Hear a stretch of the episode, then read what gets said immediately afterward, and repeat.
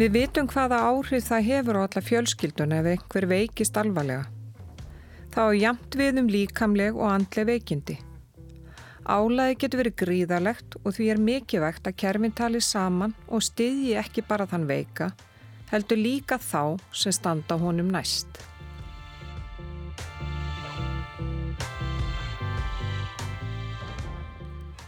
Sæl hlustandi góður. Í þessum öðrum þætti geðbriða verður fjallað um þjónustu við aðstandendur þeirra sem fást við geðran veikindi og hversu mikilvæg hún er fyrir alla aðstandendur hvort sem er börn eða fullorna. Ég heiti Guðrún Haldanadóttir. Ég heiti Margret Manda Jónsdóttir. Og ég heiti Tómas Hrafn Ákusson. Skortur á þjónustu við aðstandandur innan geðhelbriðiskerfisins sem og annara kerfa eins og skólakerfisins getur verið kostnaðasamur og haft ymsar afdrefaríkar afleðingar fyrir sjúklinga og aðstandandur, í raun fyrir samfélagið allt. Umönnunar álag nánustu ættingja verður oftar en ekki til þess að fólk dettur af vinnumarkaði. Rannsóknir sína að börn fólks með geðsjúkdóma eru líkleg til að veikjast sjálf ef þau fá ekki þann stuðning sem þau þurfa. Fái aðstandandur aftur á móti þá þjónustu sem þeir þurfa aukast batahorfur sjúklinga. Tilfinningalegur stöðningur og fræðisla mingar líkur á að tengslinn melli aðstandanda og sjúklingar opni. Gunnlaug Tollasíus, yfir félagsrákjaf á landsbítalanum, stýri vinnuhópi um þjónustu við aðstandendur þeirra sem fástu geðran veikindi. Hópurum var stopnaður til að samræma verkferðla í þjónustu og samskiptu við aðstandendur sjúklinga geðdelda. Hann er þver faglegur og tekur mið af sjónamiðu notenda þar sem fulltrúi geðhjálpar situr í honum. Markmiðið er að allir sjúklingar og aðstandöndu þeirra fái sömu þjónustu óháð því á hvaða deild þeir eru. Þetta er í raun og verið ekki alveg nýtt análinni en svona ákveð, ákveð búið að formgjera ákveðna vinnu sem hefur verið unnin svona hér og þar mögulega í getjanustunni en frá því vendanlega síðastliði vor að þá höfum við verið markvist að reyna og höfum sapnað saman fólki sem hefur bæði reynslu og, og áhuga á því að bæta sig í því hvernig við þjónustum aðstandendur þeirra sem að glíma við geraskarir og við höfum verið að hitta sexmannahópur og í þeim hópur meðal annars fulltrú frá geðhjálp sem er auðvitað alltaf hjálplegt fyrir okkur að fá svona sjónar aðstandenda og, og notenda. Við erum búin að hittast bara nokkur regla myndi ég segja og við hefum farið svona svolítið vitt yfir og ég held að það sé mjög mikild að nefna í þessu samengi að það er ekkert eitthvað svona eitt snið sem hendar öllum. Þannig að við erum með fjölskyldu sem erum með bara jafnvel mikla reynsli að takast á við veikindi innan síns kerfis og svo getum við verið með fólk sem hefur bara miklu minni reynslu að jafnvel enga reynslu. Þannig að við hefum svona svolítið reynd að skoða þetta út frá því hvernig vandin er og hvað væri best fyrir okkur að gera á hverjum stað. Er vandin langtíma vandi, er þetta eitthvað sem gerðist fyrir stöttu síðan, mun ég að ekki gerast aftur og svo framvegs. Þannig að það er svona það sem við verið að gera. Við reynda að hafa hópinast þarfæðilega við mögulega getum til þess að fá auðvitað sem víðast sjónarhótt og það sem við hefum lagt áherslu á er að búa til verkferðla og verkfæri fyrir fólk og bæði þá hvað varðar bara þjónstuna sjálfa og hvernig við skráum vinnun okkar. Gunnlaug bindur vonir við að þetta bæti þjónustu landsbítalans við skjólstæðinga og fjölskyldur þeirra. Vonandi muni þetta að verða til þess að þú fáir samfældar í þjónustu og það sé meiri svona festa í því sem við erum að gera. Að það sé ekki handahófskent og háð því hvern þú hittir, hvaða þjónustu þú færð og það eru það sem við erum alltaf að stefna að innan spítalan sem við séum með í raun og veru þjónustu sem að er fyrir séð og uppfyllir skilir því sem okkur auðvitað ber að uppfylla bara lagaleg skilir til dæmis bara um barnalögin, lögum réttin til sjúklinga, lögum heilbyrðistarsmenn og svo framvegs og svo auðvitað nýjustu lögin okkar sem eru lög um samþátt að þjónustu í þá farsaldar barna sem hefur verið svona ákveði leiðaljós í þessar vinnu líka. Já, um áramótin tóku gildi ný lög um samþættingu þjónustu í þá farsaldar barna. Megin markmiðlagana er að búa til umgjörð sem stöðlar að því að börn og foreldrar hafi aðgang að samþættri þjónustu við hæfi án hindrana. Tilgangurum með lögunum er meðal annars á að hægt sé að bregðast fyrir við tilteknum aðstæðum eða erfileikum í lífi bats með viðegandi stöðningi þegar þörf þykir. Í aðdraðanda þess að við fengum þessu lög að þá höfum við mjög mörg, ef ekki bara vel flesta á getildunum verið, við meðvitum um það að baka hvern einasta sjúkling er heilt kerfi og í einhverju tilfellum að þá eru börn í þessum fjölskyldum sem við þurfum auðvitað svolítið að sinna. Og fyrirmyndina að þessum lögum er einhverju leiti skandinavísk en það hefur lengi verið í lögum ábyrð og skilda ofinbæra starfsmanna bara til þess að koma auða á bönn sem búa við aðstæðu sem að kannski geta einhverju leiti haft áhrif á líðan og helsu. Og það eru auðvitað þannig ef að sjúkdómar eru erfiðir að það geta þess skapa vanlíðan. Bönn geta óttast að eitthvað komið fyrir fóreldra þeirra. Það getur verið bara mjög þungt og erfitt fyrir börnu að fóreldra leggast inn á sjúkrás. Á geðdildunum er ekki endilega kannski hefð fyrir því að börn séu mikið með fóreldrum sínum í einlögnum og allt sem er óþögt, það er ógnandi þannig að við höfum verið að sjá alls konar merki og við höfum öll verið bara held í tólti duglega að vekja aðtikla á því. Við fengum þessi frábæri lög sem eru lögum samþægt að þjónustu í þá farsalda batna og þau eru tólti við þeim og samlega þessu þá voru sett svona bandorms ákvæði inn í lögum leikskóla, lögum grunnskóla, lögum framhaldsskóla og svo framvegis sem að í raun veru skýra og skerpa á skildum ofinbæra starfsmanna til þess að koma auða á börn sem að mögulega getur búið við aðstæði sem að ógna velferðira og ekki bara það heldur farsaldarlögi nýju þau hveð á um það að okkur beri í raun veru að koma þeim í farveg og þá er þjónustinni stegskipt í fyrstu, aðra og þriði línu og í raun og verið það sem við þurfum að gera, við þurfum bara að sjá til þess að þessi börn séu séð og láta vita af þeim og skila þeim inn í það þjónustu kerfi þar sem þeir að fá þjónustu og það held ég að sé það mikilvægast sem þessi lög gefa okkur núna. Þegar hortið til framtíðar í geðhelbreyðistjónustu á Íslandi segir Gunnlegu mikilvægt að aðstandandur hafi rött því hún skipti miklu máli. Við viljum auka þátt aðstandanda í bæði sjúkdóms og bataferðli sjúklinga. Við viljum að aðstandandur hafi aðgang að okkur. Við viljum að þau hafi rött þegar rött skiptir máli. Það er ekki endilega vist að hún sé svo sama á sjúklingana en það aukur kannski líka bara skilning okkar á rött sjúklingana. Ef að aðra rattir er í einhverju hrópandi einhverju, mótstöðu við það. Þannig að ég held að við viljum bara stefna að því að eiga sem best samskipti við aðstandendur og búa til svona skýra farfi. Þannig að það sé ekki svolítið eins og komin í Pentagon eða þið veitir, þú veist, bara ráðast inn í pengageimslu sælabankans að hafa að, sko, aðganga starfsmenn sem er að þjónusta á reyna lækna ástfinniðina. Ég held að það sé bara ákveðin áskorun fyrir okkur og það er áskorun ekki bara fyrir geðþjónustuna heldur fyrir spítalan í heilsinni það sem að unnið er á vöktum og tryggja það að þessi samfellagi því að upplýsingar skilir sér frá einum starfsmann til annars og svo framvegs og í hýta leiksins þá meðum við ekkert gleyma því að við þurfum auðvitað aðeins að kíkja út fyrir gardin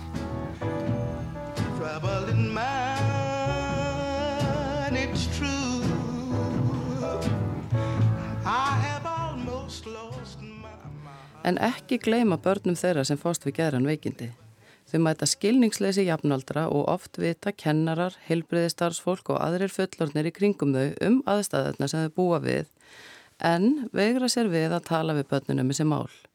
Þannig getur við sem samfélag bætt okkur í að veita berskjölduðum börnum og ungmunum stuðning og narfuru þegar þau þurfa mest á okkur að halda. Okkar heimur er stuðningsúræði fyrir börn sem eiga fóreldra með gæðrænan vanda. Úrræði var sett á lakirnar vegna skors á stuðningi og fræðslu fyrir börn í þessari stöðu hér á landi. Sigriður Gísladóttir er frangvatastjóri okkar heims. Hún þekkir vel stöðu barna sem eiga foreldri með gæðraskanir og sagði meðal annars sögu sína í þættinum segðu mér á rás 1 fyrra á árinu.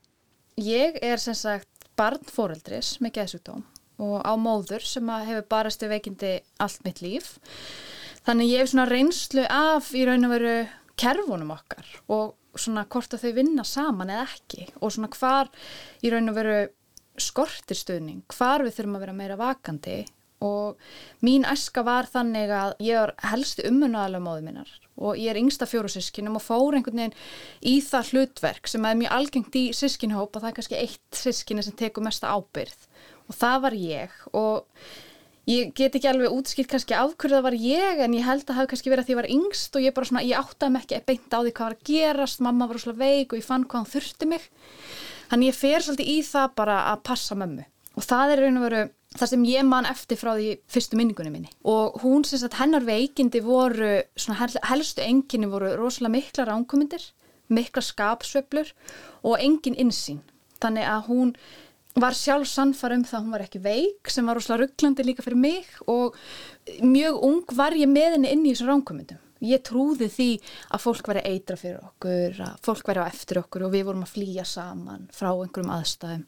Þannig að svona, ég mótaðist rosalega í þessu umhverfi þar sem að hún svona já, bara hennar veikind voru mikil og hennar veikind voru mjög mikil allar mín æsku og ég var heima hjá henni alveg þá til ég er sex ára þá, sérst hún mamma var dagmamma þannig ég var alltaf heima og þá er raun og verið fyrsta sinn sem að þegar ég er sex ára sem ég fer út af heimilinu á einhvers það sem einhver getur gripið mig. Og þá byrja ég í skóla og ég fann það rosalega snemma að skólinn skipti ekki máli. Bæði frá sjónarhóndum mömmu að því það voru bara svo mikið veikendi og það er bara annars að skipti máli þegar einhver er að berjast þau svona alvarlega sjúkdóm. Þannig að ég svona finnast nefna að þetta var ekki eitthvað sem ég átti að setja í forgangum mínu lífi og þannig mjög snemma fer ég svolítið í það að sleppa skólanum og ég átti að hjálpa mamma því mamma og dagmamma og hjálpa með allt á heimilinu. Og á þessum tíma frá því að sérst, ég er 5 til 8 ára þá er pappi minn í forræðisteilu þar sem hann var að reyna að fá okkur fjósískinu út á heimilinu því mamma var að berjastu þessi veikindi. Og á þeim tíma, á þessum þreymur árum var fjósískinni í litlum skóla í, í Reykjavík og það var aldrei neitt sem aðtúar aðstæður okkar við vorum mikið í því kannski sum okkar að við mættum ill í skólan, ég mætti yfirleitt aldrei með heimanám eða neitt slíkt. En það er enginn í skólan sem skoðar neitt. Og það finnst mér svo alvarlegt. Það, þú veist ekki, ekki það eins og ég segi oft sko, mín saga er ekki merkileg. Þannig, þetta snýst ekki um mína sögu sem eitt bann en mín saga endur spekla sögu sem margra, þess vegna er hún mikilvæg og við erum bara því miður ennþá að gera sem mist ekki dag. Þannig við þurfum einhvern veginn að læra af þessu því við viljum alltaf gera vel. Og þegar ég er átt ára þá fær pappi uh, forræðið okkur fjó, fjórum sískinu sem var mjög merkilegt á þessum tíma. Ég er fætt 1990 og það er sérst 1998 sem pappi fær forræðið á fjórum börnum. Og það var eftir alveg hræðilegan tímin á heimilinu þar sem enginn kemur á aðtöður neitt og ég fekk varðla að hitta pappa þegar hann var að reyna að hitta mig þá var hann að koma í fríminútur upp í skóla til að reyna að sjá mig og vita að það er alltaf lægi þannig að þetta var rosalega erfuð tími að missa líka tengingu við pappa minn að hafa hann ekki í lífinu og þegar ég er áttur þá flyttum við til hans og í svona framhaldi því þá er mamma nöðunguvist á geðdelt og svift sjálfræði.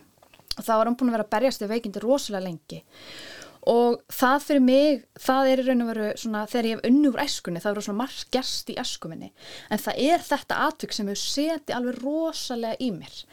Að vera átta ára bann og upplifa fóröldur sitt nöðungavistað og einhvern veginn að það hjælt enginn utanum hann. Og ég trúði svo mikið að mamma var ekki veik. Þú veist, mamma var alltaf bara ég er ekki veik. En ég man að ég hugsaði bara það er samt sund svolítið skrítið sem hún er að segja. Þú veist, ég fann það alveg. En ég var samt ekki meðvitu um hún var veik og hún er tekin af lauruglunni út af heimilin okkar og sett þá í fangaklefa á þessum tíma í solaring og solaðin að geðdelt og hún auðvitað sæði mér þetta allt þú veist og einhvern veginn það er ekkert utanumhald við erum ekki gripin þessi fjögur sískinni sem verðum fyrir þessu.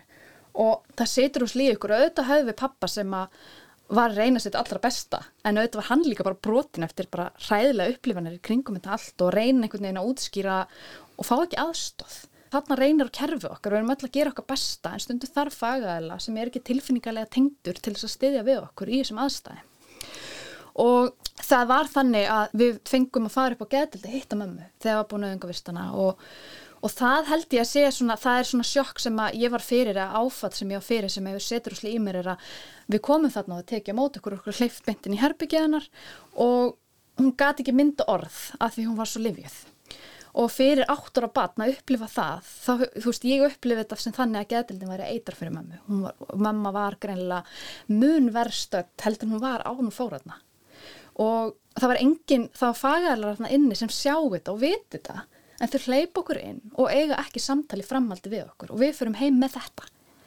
Og þetta er svolítið svona kannski neistin af starfinu sem ég er að stýra í dag er að ég get ekki sagt mig við að þetta gerist þú veist við eigum að grýpa bönnin og eftir þennan tíma, eftir að hafa upplefað þetta áttur og þá breyttist ég rosalega.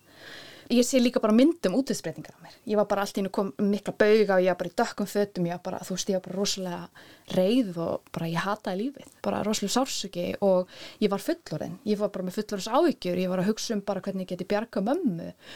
Og hún fer síðan bara í endurhefingu og fer bara ákjöndan stað og verður aftur dagmamma. Og þá er þessi draumur ég ætla að búa aftur hjá mömmu það er bara draumurinn, mamma er bara þetta er svo flókið samband út af því að mamma, fyrir mér er mamma bara mikilvægstu hlutin í mínu lífi en á sama tíma blandast þessi ástu meðvirkni sem að verður einhver svona eitru blanda, þú veist það sem maður er tilbúin að fórna öllu fyrir fóreldri sitt.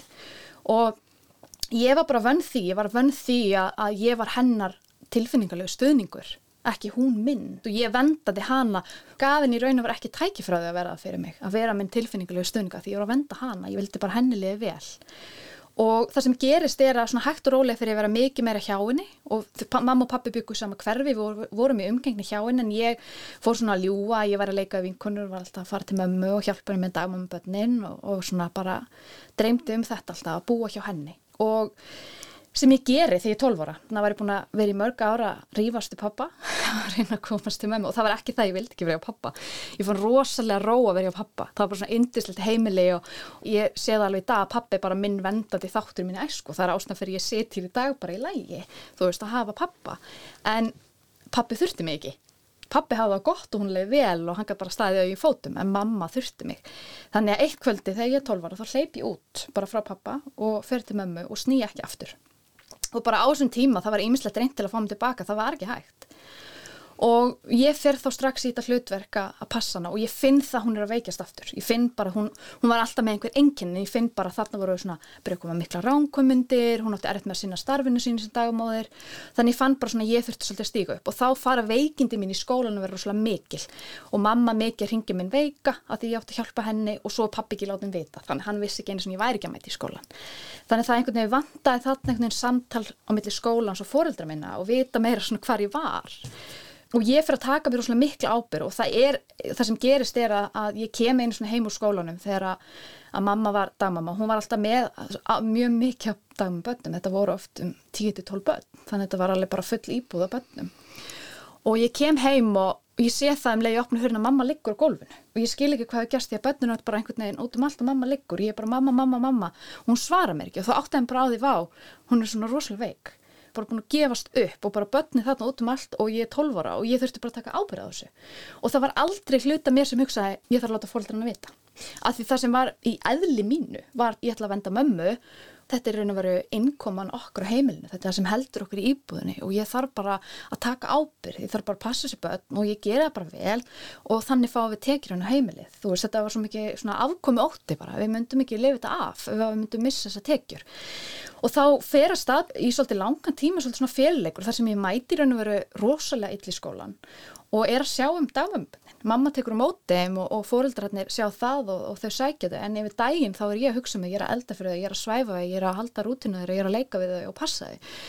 Og ég man alveg þegar mamma til dæmis var að fá kannski skapsöflur eða ránkomindir þá var reyna að venda börnin. Þú veist ég var að reyna að róa hana til þess að börnum myndi ekki finna þetta og, og svona alltaf var að reyna að halda öllu í lægi að ég var líka að reyna að venda þessi börn sem voru í, í gæslu.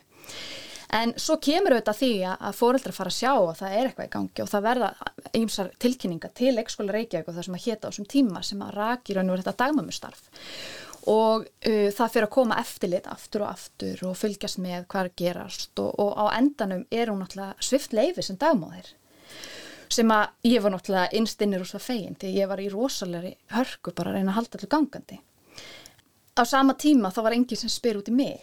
Ég var alltaf aðna, ég hitti svo allar þessar konur sem komu og voru í eftirleiti fyrir leikskóla Reykjavík og það spyrja aldrei akkurat ekki skólanum? Eða þú veist, hvað, hvað segir þú, hvað er pappin eða það var aldrei spurningar um neitt og svo það sem gerist er að mamma heldur samt áfram að starfa og er þá í raun og veru leifisleus dagmáður og þannig að eftirliti var alltaf að koma aftur og aftur með sundum barnavendi að laurugluna til þess að ringi fóröldunum og byggja um að fjalla og mamma vildi kannski ekki opna, það voru mörg svona atvik. Alltaf var ég aðna aldrei neitt sem að segja, byrju hvað þetta barna gera hérna? Og ég skil, ég bara það, ég vil ekki búa í samfélagi sem er svona þú veist, auðvitað á einhver að hugsa bara, hvað með þetta bann þó hún sem mamma mín, þá á hún ekki rétt á því að halda mér inn í svona aðstæðum. Þetta er raun og veru eftir að hún endarlega gefst upp og, og hættir að starfa að þá tekum við bara svona hræðilu tíma, hún veikist alveg, ég hafði aldrei séð hann svona veika. Hún trúði að vera myndavillar heima ég held að ég var að leika alls konar hlutverk, var að ásaka mig og ég var í rosalega hættu. Ég upplega alltaf svona mikla hætt á heimilinu, mér fannst hún orðin algjörlega óútreiknaleg, mér fannst ég að þetta var svolítið þannig að mér fannst ég oft geta lesa í enginennar, mér fannst ég vera þekkina rosalega vel, en þarna var þetta svona búið breytast yfir ég gata enga veginn. Og ég var, ég svaf í raun og veru valla á nóttinni, hún, að því hún var veikust á nóttinni, þá var hún að vekja mig og, og alls konar ásakanir.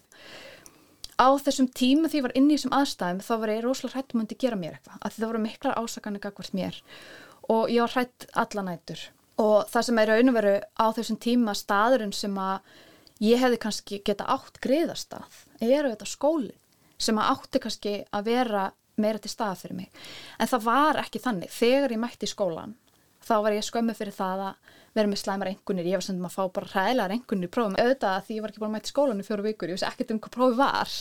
Þú veist, ég var ekki að skilja verkefni hvernig, þú veist, í þessu samingi þegar að, að mamma manns er svona veik það skiptir mig engum máli eitthvað starfræðverkefni engum máli, ég reyna að halda bara lífi henni, ég reyna bjarginni. Ég er alveg í aðstæðan þar sem að ég var svona meðvirk og ég var svona það sem myndi kalla á ennsku people pleaser. Ég var rosalega svona já, stelpa og rosalega þæg og góð og var aldrei til vandraða.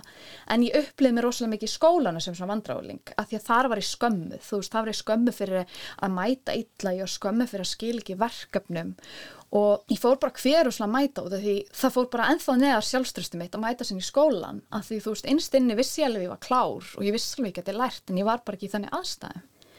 Og þá ertu þetta ekki að skapa þetta umhverfi fyrir barni það sem upplýmur ekkert greiðast það þetta var orðið bara líka svona stríðs ástand ákunni leiti fyrir mig. Ég gæti ekki fyrir að þanga með ömulega þar. Sem er svo sorglegt að því ég var í sama skólanum í tíu ár að maður hefði haft einhvern þar sem að geti verið til stað fyrir mann. Það er ekki það að, að þetta starfsfólk hafi ekki vilja verið til stað fyrir mig, það var bara ekki kunnóta.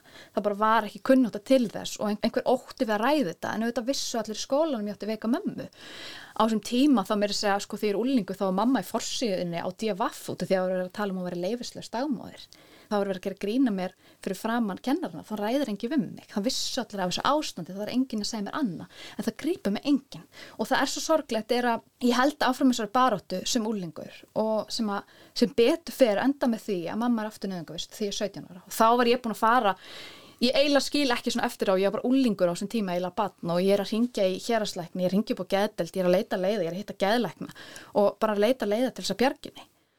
Þegar móðir Sigriðar var tekin af heimilinu brotnaði Sigriður saman. Í kjölfarið tók við tímabill þar sem hún var með alvarlega átröskun. Frá þessum degi þá byrjar mín átröskun og ég veikist alveg hræðilega illa. Ég veikist mjög alvarlega átröskun í fimm ár þar sem ég barðist og barðist og barðist og var mjög hægt komin líkamlega og það leita ekki, ekki vel út fyrir mig. Og það sem er mjög áhugavert að því að ég rannsóknir sína það að börn sem eiga fóröldum ég gerðan að vanda að geðsugdóma, ef þau fá ekki stöðningi esku þá eru 70% meira hægt og þurfa sjálf með sér vanda síðan meir og 40% af þeim þurfa meðfra að halda fyrir 20 ára aldur. Og ég er eina af þeim sem að veikist svona alvarlega. Og þetta er óslulega stór hópur sem að veikist svona ungur. Og auðvitað hafði þetta áhrif á mína stöðu, ég gæti ekki farið í mentaskóla, ég gæti ekki menta mig, ég var veik þángar til að ég var 22 ára. Og þá ekkert fer ég út í lífi bara og, og var búin að fara í gegnum meðferð og og meðferðin gekk rosalega erfilega af því að meðferðin mín, þegar ég kem meðferð við ádurskunn þá byrja að nota hugran aðfélagsmeðferð sem að bara virka ekki fyrir mig út af því að ég var bara með þessi áföll og, og þurfti að vinna úr þeim og, en á þessum tíma var ég að vera fyrst að skipta einhvers sem sest niður með mér sem er fagaðili. Það er alveg ótrúlega skrítið að fara í gegnum alla þessa æsku, það er enginn tala um mig fyrir að ég er bara komin þarna alveg fárveik og, og það var ekki fyrir að ég fyrir í áfalla meðferð, raunverulega áfalla meðferð að vinna mín æsku sem ég næ bata fyrir átrúskun. Átrúskunum mín var bara viðbröð við þessum aðstænd og ég þurfti bara að fara í þessu áfallavinnu til að, að vinna úr þeim og svo þegar ég næð því og fer svolítið svona inn í fullorðsárið þá var ég alltaf með þetta lofar sem ég hafi gefið mér. Ég hafi alltaf gefið mér þetta lofar að þegar ég er í fullorðin að þá myndi ég gera eitthvað fyrir börn eins og mig. Og þannig ég fer fyrir nokkrum árum í stjórn geðhjálpar og þar fer ég svona, svona minn nisti var bara ég ætla að skoða stöðu þess að barna. Er hún árum betri, ég er fætt 1990 og kannski er þetta bara betri í dag. En ég kemst mér fljótt að því að svo er ekki, en ég, ég finn samt strax að það er meiri vitund. Það er aðeins meira spáð í einan hóp en það er einhvern veginn ekki rétti úrræðin til og, og fólk stendur svolítið svona á gati bara hvernig á einhvern veginn að stiðja við henn og batna og hvernig það á að vera gert og hver á að gera það. Kannski fyrst og fremst, hver ber ábyrjana og það sem gerist er raun og verið það að ég finn samtök í Breitlandi sem heita Overtime og hafa þróað raun og verið innkrypt til að, vinna hópaðna og hafa verið starfandi í 22 ár. Og ég fyrir samstarf við þau og fyrir það innlega þeirra innkrypt á Íslandi. Og það þróast svona í það að við stopnum okkar heim og okkar heimur, við fórum að stað með fyrstu fjölskyldismiðunar okkar fyrir rúmlega ári og núna í februar þessu ári örðum við sjálfstætt úrræði Þannig að við hefum fundið, það er óslulega mikil eftirspurn og það er mjög mikil þörf á þessu úrræði, við finnum það. Í raun og veru starfið hjá okkar heimi er óslulega, það er mjög mótað að minni æsku því þegar ég fórst að hugsa, ok, ég ætla að skoða snertipunktana, því ég er svona ég hugsa kannski að maður geti aldrei sagt ég er búin að vinna úr æskunni minni, ég held að það sé aldrei bara eitthvað svona verkefni sem þú ert búin að ljúka. En ég er samt búin að vinna úr reyðinni en það hefði aldrei geta farið inn í þetta verkefni ef ég var ennþá reyð eða ósátt eða með eitthvað óunnigagast einhverjum. En þannig ég er ekki reið en mér langar rosalega mikið og ég fann það að mér langar að nýta hana. Já bara nú er ég búin að fara í gegnum þetta auðvitað með fóröldir sem er rosalega veikt og fóröldir sem eru ekki insýn og hvernig getur við stutt við þau börn og hvar hefði verið ekkert að stöðja mig? Þannig að starfið okkar er rosalega móta af því þessum snertipunktu og við erum með fjölskyldusmiðunar okkar sem er fyrir börn og fóröldra og það eru þetta hópur sem kannski fóröldri hefur einsýn og hefur og svo erum við náttúrulega líka að skoða hinhópin sem hefur það ekki. Og þar eru við til dæmis að við erum nýlega að byrja með skólaverkefni þar sem byrjum með einu skóla á höfbrukarsvæðinu og erum svona að byrja með þjálfun og vitundavakningu fyrir skólastarfsfólk og vitundavakningu fyrir nefndur við erum að reyna svona hægt og rólega að koma okkur inn í skólakerfið. Þetta vita okkur og í raun og veru mitt helsta markmið með okkar heimi er að búa til pláss fyrir hann að því hann á ekkert pláss. Hann á hverki heima, hann fellur á milli kerfa bara svona algjörlega. Og Ég hef í gegnum þetta starf hitt ótal fagaðila og fengir svona góða insinn inni og ég reyna að greina hvar liggur vandina því það vil ég allir gera vel.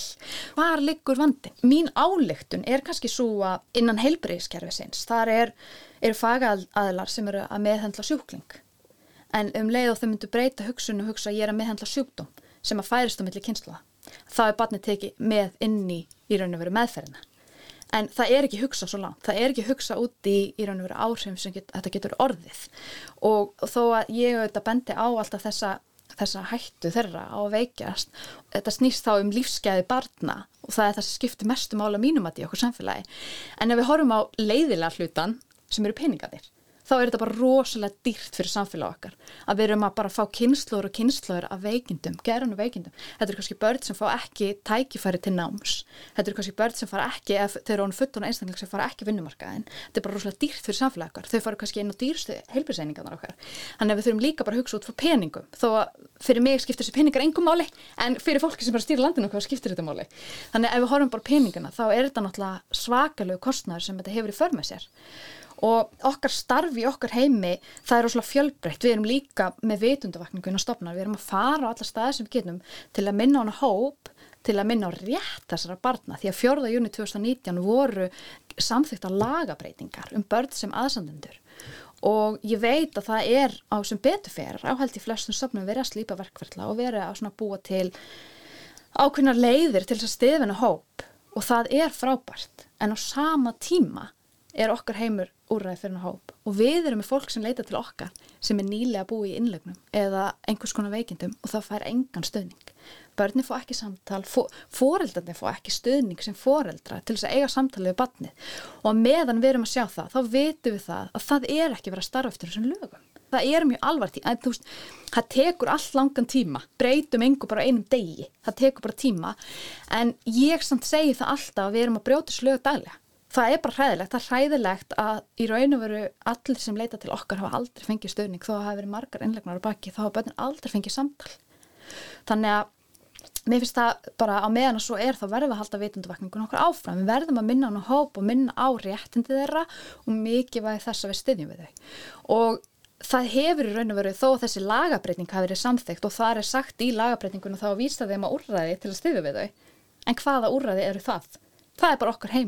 það? Er er ekkit annað starfandi úrra í Íslandi fyrir en hópaðna.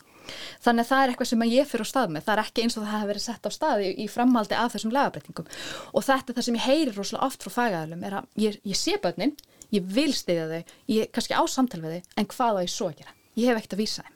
Þannig að við getum endilega sett lög en við verðum að hafa úrræðin sem fylgja eftir. Það er svolítið okkar svar með okkar heimi. Við viljum að fólk hafi aðgengi að stöðningi. Okkar heimur rekur þessi fjölskyldismiður og það eru fjölskyldum að kostnaða lausu.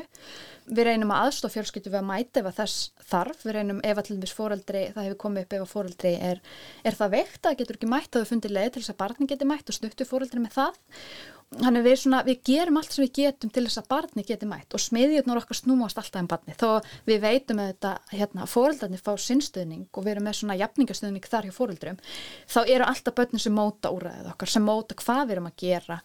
Og það sem að hefur svona stungi mig svolítið kannski í okkar starfi er að, að það er mjög ábreynd að þeir sem leita til okkar að börnunum líður ítli í skólanum. Og það er líka mjög alvarlegt og það hvetur okkar heim ennþá meira í því að halda áfram starfinu sem að snýra skólanum.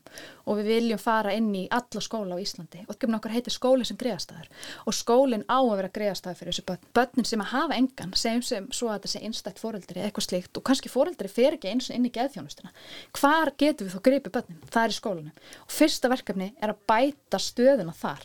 Þú getur ekki verið með skóla þar sem er ekki talað um þetta og ættast þess að börnin komið tíðin og leiti tíðin þú býrð ekki til neitt rými. Þú ert að búa til rýmið vera með svona heildan algun inn á skólans og barni fara að leita til þín þegar það vill. Ooh child things are gonna get easier. Ooh child things will get brighter. Ooh child things are gonna get easier. Ooh child things will get brighter together and we'll get it undone Someday when your head is much lighter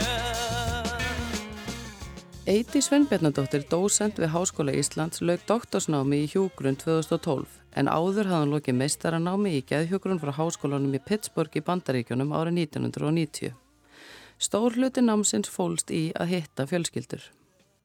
Og eitt námskeiðið var var sem sagt fjölskyldu meðferða námskeið og ég varð alveg hilluð og í rauninni fyrsta rítrinda greinin mín þegar ég kem heima aftur úr því námi að, og hún, ég man ennþá hvað hún heitir hún heitir í rauninni þegar að fræðin standast. Og, og erum fjölskyldu sem ég hitti það núti það var mjög sko ég kynntist þarna fjölbreytileika sem ég hafði ekki kynst á Íslandi og ég hitti þarna fjölskyldu sem að ég vann með til lengri tíma menn ég var í náminu. Og ég kynntist þeim mjög náið í gegnum þessa fjölskyldu meðferð og það var hérna lítil drengur með ADHD og, og hjónin hafði miklu áhyggjur á honum og hann var mjög ofirkur þetta var alveg svona mín fyrsta reynsla af alvöru fjölskyldu viðtölum sem ég fekk svo handleysla á í skólanum mínu.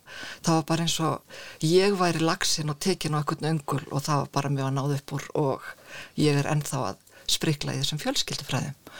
Og það er svo skemmtilegt að því að sko þekkingin hefur þróast svo mikið síðan þá í fjölskyldufræðanum og í fjölskylduhjókurinn. Á þessum tíma var kennsla í fjölskyldufræðum allt öðruvísi en hún er í dag og miklu minna um rannsóknir.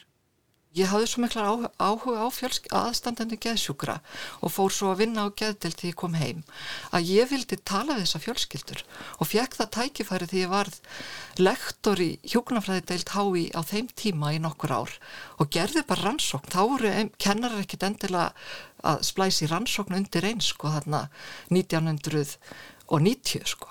Og ég bara fór að tala við 20 aðstandendur og fór í svona fenomenologi og viðtalsansók og ég bara spurði hvernig þeim leið og hvernig þjónustu þau vildu fá og hvernig stuðning. Og þá komst ég að því að, að sko því ég talaði við þessa aðstandendur sem að voru sko fjölbreyttir, þessi 20 manna hópur, það voru svona alls konar tengsl, voru mismunandi hvort það var móðir eða, eða dóttir eða svonur eitthvað sem að veikur, það voru svona nokkur, nokkur tengsl. Og það var kannski svolítið liðið frá því að viðkomandi fjölskyldumæðlum hafi greinst með gæðsjúdóm en það var eins og þau var að tala frá einhver sem hafi gerst í gær og ég held oft þegar að, að fólk upplifir áföll og fer svo að ræðum þau þá finnst manni oft fólk vera að tjá sig eins og það bara hafi verið að gerast. Og síðan því ég fór að spila hvernar gerðist þetta? Þá var það kannski fyrir 10 árun síðan 12 árun síðan. Þannig að þetta stóð fólki mjög nærri og það talaði þá sérstaklega mikið og eitt á þemanum sem kom út úr þessar rannsókn var stöðningsleysi kervisins til fjölskyldunar og, og ég byrti þarna grein svo 1997 og var það hætti hjókunarfræðidelt sem lektor, var farin að gera annað. Einhvern veginn sitja með þetta í maganum því að ég fer svo verð hjókunarfræðingansstjór og bugl og ég fer og verð sviðstjór á geðsviðinu, fer svona verð rifin út í stjórnun og ég er send alltaf í fjölskyldunum. Og bugl fór ég, var ég í fjölskyldu með þeirra teiminu og var alltaf upptikinn af því að við myndum vera að sinna fjölskyldunum miklu, miklu betur. Og síðan að því að landsbytalan er svo duglur í því alltaf að breytum skipuritt að þá bara fann ég það á mér að skipuritt á landsbytalan myndi breytast ég var sviðstjóri 2000 og síðan tíu árið setna þá ég segja að þetta hlýtur nú að fara að breytast þetta skipuritt þannig að ég dreifi mig í doktorsnám. Að því að mér fannst sko hljómgrunnurinn innan geðfjónustunar vera þannig já eitís við höfum alveg nóg að gera. Okkur ættum að bæta við okkur fjölskyldunum? Fekk ég svona úr klíniska teiminu. Og síðan kom líka það er nú ekki mikil evidens gaggrinn þekking og bakvið það sem úr það segja. Ég menna hvar ertu með, ég veit að það eru til þessi fræði og fjölskyldu meðferð en hvar ertu með sko gaggreinda þekkingu á því á því sem við erum að gera og einhverju sem að ætti að vera gert. Þannig að ég bjóð til rannsóknar áallun og fekk hann að samþykta inn í hjókunarfræði til Tái júni 2007.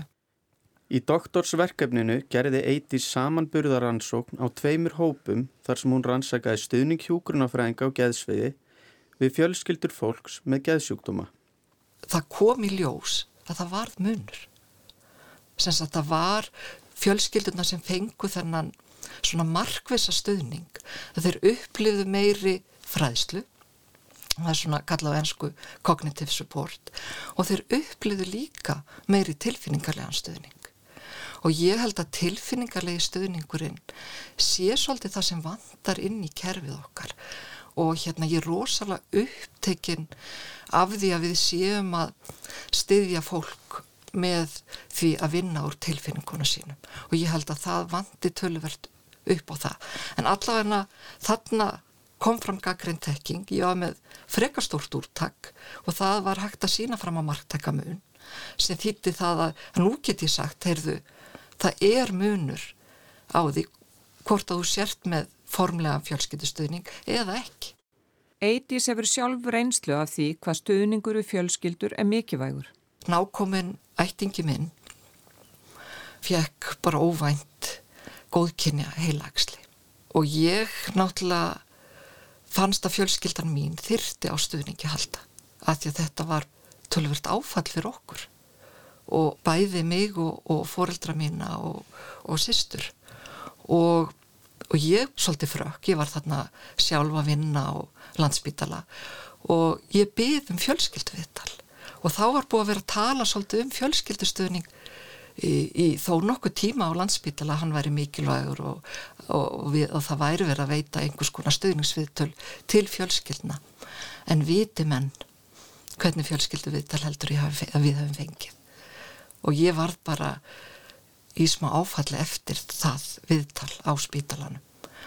Og það var þannig að við fórum og við fengum fyrirlestur frá lækni um heilabúið og hvernig þetta var allt samasett og hvernig æsli virkaði og, og flottar teikningar og flottur fyrirlestur. Það hefði sómt sér vel í fræðslu í læknisfræði og læknadeild. Og það var stöðningurinn sem fengum. Og því miður var hjókunafræðingurinn út í hodni og skrifaði niður svona spurningar okkar en við fengum ekki tilfinningarlegan stöðning. Það var langur vegu frá og mér fannst sko þarna í rauninni vera algjörlega pissað í skóin sinn er ég á að segja eins og er mm -hmm. og ég held stundum að við séum bara að pissi skóin okkar að því að þú getur stutt fjölskyldur með ekki einhverju mörgra klukkutíma viðtölum heldur er að tala kannski um markvis eitt til þrjú viðtöl, jáfnveil bara eitt viðtal sem að kemur fjölskyldun á réttan stað Eiti segir að mikilvæga breytingar hafi verið gerðar á lögum um réttindi sjúklinga. Það er meðal annars hveðið á um rétt sjúklinga til að njóta stöðnings. Þeir hafa rétt til þess að, að njóta stöðnings með fjölskyld og vinum.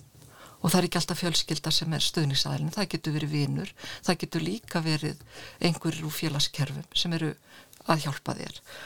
Og, og þeir eiga þennan rétt meðan á dvöl stendur á sjúkradeild eða á stopnun eða á göngudelt og þetta erum við ekki alveg að virða og svo í öðru lagi að þá er það 27. greinin þar sem að börn eru skrifuð inn sem aðstandendur og þar eru sko meiri sér stjættir eru nefndar. Læknar, hjúkunafræðingar og félagsáðgjafar við höfum þær skildur að tala við foreldra sem eru með alvarlega sjúdóma ég held að það meiri sér að tala um geðrana sjúdóma og yllvíga sjúdóma þannig tekið til orðaði í sannlegu að við eigum að tala við foreldra. Við þurfum ekki endilega að hitta börnin en við eigum að tala við foreldra um áhyggjur þeirra eða hvort þau hafa áhyggjur af börnunum og ef þau hafa áhyggjur þurfum við að tala við börnin. Lean on me when you're not strong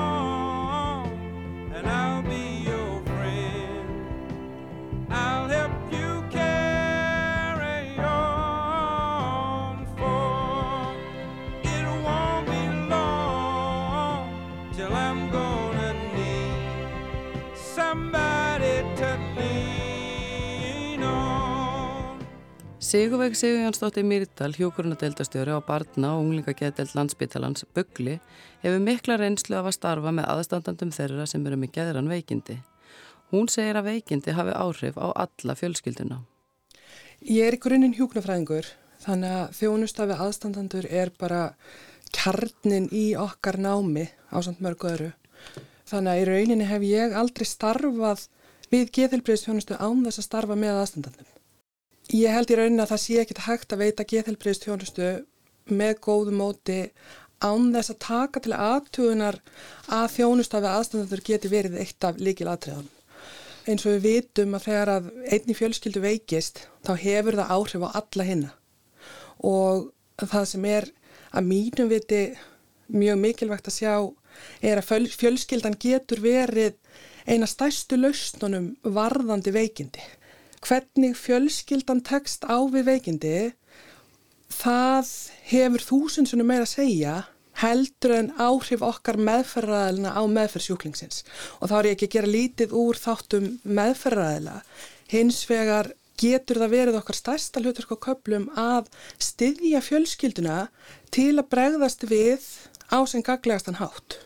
Og ef þetta nálgust við hverja fjölskyldu út frá hennar sérstöðu enga síður er það þannig að þegar við erum í krísu upplifum mikla sorg, mikla erfileika að þá eru enginnin oft mjög okkur sammannleg. Við höfum tilneingu til að bregðast við á ákveðin hátt sem er okkur öllum sammeinlegur og, og það sem við gerum í fjölskylduvinninni, við erum að styrkja það sem fólk er þegar að gera vel, við erum að styðja við að fólk hlúa sjálfu sér af því að örþreytt fólk getur ekki endalaust veitt öðrum stuðning og það sem, að, það sem við vitum er að vendandi þættir fjölskyldunar hafa gríðarlega áhrif á bata einstaklingsins sem er veikur.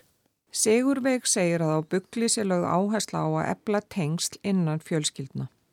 Það sem við hefum til dæmis verið að reyna að þrá okkur í núna bara upp á síðkasti, það er hvernig við nálgumst fjölskyldur þar sem, sem meðlumir í fjölskyldunum eru á einhverju rófunu eða það er talið jafnveg líklegt og við hefum fengið góðar leiðbynningar frá sérfræðingum í þeim málefnum og verið að við að okkur þekkingu. Það sem við erum kannski hvað sérhæðust í er stöðningur við fjölskyldur það sem að barn glýmir við lífsleiða hugsanir hefur jafnvel hérna gert sjálfsvístilun er metið í sjálfsvísættu eða stundar sjálfskaða og, og þar byggjum við á tengslamiðu hálstöðluðu mótili það sem einmitt er hort á fjölskylduna sem laust og það er lögð vinna í það að ebla tengsl innan fjölskyldunar af því að við vitum að góð, sams, góð samskipta hættir og stöðningur frá fjölskyldunni það er mjög mikilvæg forvörd gegn sjálfsvíðum. Og er það þá þannig að þið eru að veita þá kannski fjölskyldunni verkværi til að bregðast við ef að líðan viðkomandi bass er vond? Já og við erum að hjálpa fjölskyldunni af því, því það sem við vitum er að alltaf þegar að krísur koma upp eða oft þegar krísur koma upp eða miklir erfileikar hafa gengið farið á undan að þá geta komið upp svona tímabundin tengslarof millir til dæmis fóreldra á bars og það sem við erum þá að reyna að gera er að hjálpa fjölskyldunni að mynda tenginguna upp og nýtt þannig að badnið hafi örguhöfn til að leita til þegar upp kemur alveg vanlega og það er mjög mikilvæg forvörn. Hvað er ólíkt við því að vera aðstandandi eitthvað sem er að kljást við geðsjúkdóm eða líkamlegan sjúkdóm. Hvaða fyrir bara er þetta í gangi í samfélaginu? Hvað, hvaða tilfinningar setja aðstandendur ofta uppi með? Það sem er ólíkt við það sem við sjáum í geðheilbriðstjónustu versus það sem verið er að meðhendla vefra en veikindi að þá það er oft miklu skýrari svör um hvenar vantam á bata ef að til dæmis eitthvað einfalt er hérna hvenar livja gjöf tekur cirka svona langan tíma, fótbroti tekur svona langan tíma að gróa. Þannig að skýr svör um hvenar má vanta bata hjá til dæmis eins og batni í þjónustu hjá okkur, þau eru miklu óskýrari. Það sem að líka spilar inn í er að orsökin er oft svo flókin og samþætt. Það er engin eina ástæði fyrir því að barn þarnast þjónust og barna úlinga getild. Það getur verið eins og við öllu um styrkleik og veikleika, þá getur það verið samsetninga af einhverjum veikleikum, umhverjumstáttum, um áhrifum innan fjölskyldunar, uppeldisháttum. Þetta er svo samsett en, en það sem við höfum sem mannesku svo sameinlegt er að við höfum svo miklu tilhengu til að kenna okkur sjálfum um og það er það sem að fjölskyldur strögglu oft við þegar koma að það leita skýringana í einhverju sem að þær hafa gert ránt og það er mjög mikilvægt að við hjálpum fólki að sjá að, að svo getur ekki verið. Ég meina vissulega getur við öll sem fóreldra tengt við það að vilja hafa gert hlutina betur á einhverjum tímbilum en þetta er svo miklu miklu flóknara en svo. Þetta var ekki bara fall og fótbrott. Almennu stuðningur er á, á færi margra innan, innan geðhelbriðstjónustunum og helbriðstjónustunum náttúrulega allrar og það er mikilvægt að við áttum okkur á því að eh, þó að sérhæfiðar meðferðis geti skipt alveg greiðilega miklu máli í bara mörgum tilfellum að þá er það löngunin til að verða liði ef að svo tilfinning skila sér til fjölskyldunar og, og þetta að það sé einhver kærleiksríkur líka sem er tilbúin til að vera með einstaklingnum og fjölskyldunni á þessu sársökufulla tíma að þá er það eitt og sér mjög heilandi að dvelja með fólki í sársöka að vera tilbúin til að búa til eitthvað bandalag meðferða samband til að takast sameiginlega á við vandamál einstaklingsins og vera svo saman í þessari baráttu að komast á betri stað að þá er það eitthvað sem ég myndi segja að væri það sem að við heilbriði starfsfólk þurfum að vera mjög meðvitið um. Rannsóknir sína það að eiga skildmenni og geðdelt er meira álag en ef um líkamlega veikindi er að ræða. Markir þættir spilaðar inn í en skilningsleysi samfélagsins og það ör áreiti sem því fylgir hefur mikið að segja. Það verðist vera auðveldara fyrir okkur sem samfélag að sína fóreldri bats með líkamlega veikindi skilning. Fóreldra batna með geðran veikindi upplifa meiri skömm og sagtakend og eru sífælt að fá óumbeðin ráð um hvað þau eigi að gera öðruvísi. Allt þetta veldur gríðalegri streytu. Við höfum stundu svo einsleitt að sína það hvað er góður árangur eða ásættanlegt til dæmis varðandi námsárangur eða árangur í íþróttum eða, eða bara svona einfalda hluti eins og hvernig þú hegðverðir í ammælum eða fjölmennum viðburðum. Svo erum við bara með fjölbrettan hópin í samfélagin við þólum mis vel og njótum mis mikið hver segir að allir hafi rosalega gaman að því að fyrir á fjölmenna og hávara staði? Eða finna sig í barnmarkri skólastofu, þetta getur bara verið mjög flókið. Og mæli hvarðin okkar er stundin svolítið einfaldur á hvað er gott líf og, og hvað er eitthvað sem að fóreldra getur verið stoltir af og, og við hefum kannski svolítið núna nýverið og buglinu verið að skoða þetta með hlýðsjónu því að ráðleik ekki öllum það sama. Þegar barn kemur til okkar með vanlíðan eða, eða vannvirkni að líti ekki svo á að góður árangur sé eins hjá öllum Byðlistar eftir þjónustu á byggli hafa ofta rataði fréttir. Sigurveig segir að staðan fari batnandi. Allir byggtími fyrir börn, hann er bara ósættanlegur. Það er byggð og það er ekki gott. Staðan fer batnandi, byggðin hefur mingað og algengasti byggtímin lækkað en öll byggði vond sumböð koma of sent til okkar og stundum eru hlutir sem að jafnvel ættum að vera miklu betri í að greina fyrr og þá er ég ekki meira að greina kannski með forlegum greiningum heldur bara greina stöðningstarfir. Ég held að við getum gert bara betur sem samfélag að mæta börnum með ólíkar þarfir og það myndi hjálpa okkur að við sæjum hlutina í víðara samengistundum. Það er alveg gríðarlega mikilvægt að styðja við fjölskylduna þannig að hún geti stutt við þann veika og, og það sé stutt við fjölskylduna á hátt sem að getur nýstinu og það getur verið ólíkt milli, milli fjölskylduna en það sem að við vitum að bara upplifið einangrun og skortur og stuðningi og, og ágreiningur í samskiptum og að, að það er hindrandi fyrir bata. Og það sem við eigum öll sammeilegt er að veist við höfum þessa þörf til tilhera og ef við getum stutt fjölskylduna til að bregðast við veikindum og styðja á gaglega þá, þá er það svo vermætt og líka því við vitum að streyta á vanlíðan foreldra og bara fjölskyldu að það getur bara verulega dreyið úr getunni til að, að venda fjölskyldu meðluminum og, styðjan. Það hefur margt breyst í þjónustu við aðstandendur á undanförnum árum en greinilegt að það mætti gera margt betur eins og Sigriður benti á hér áðan. Það hlýtur að vera hlutverk okkar sem samfélags að halda áfram að bæta hér úr því ávinningurinn er svo áþreifanlegur fyrir okkur öll og ekki síst þá sem standa sjúklingnum næst. Þetta er síðasti þátturinn að geðbriði fyrir jól en í næsta þætti ætlum við að fjalla um geðróf og geðrófsjúkdóma. Geðklofi er sennilega þekktastur þeirra. Þriði þátturinn verður á dagskrá á síðasta degi jóla 13. Veriði sæl.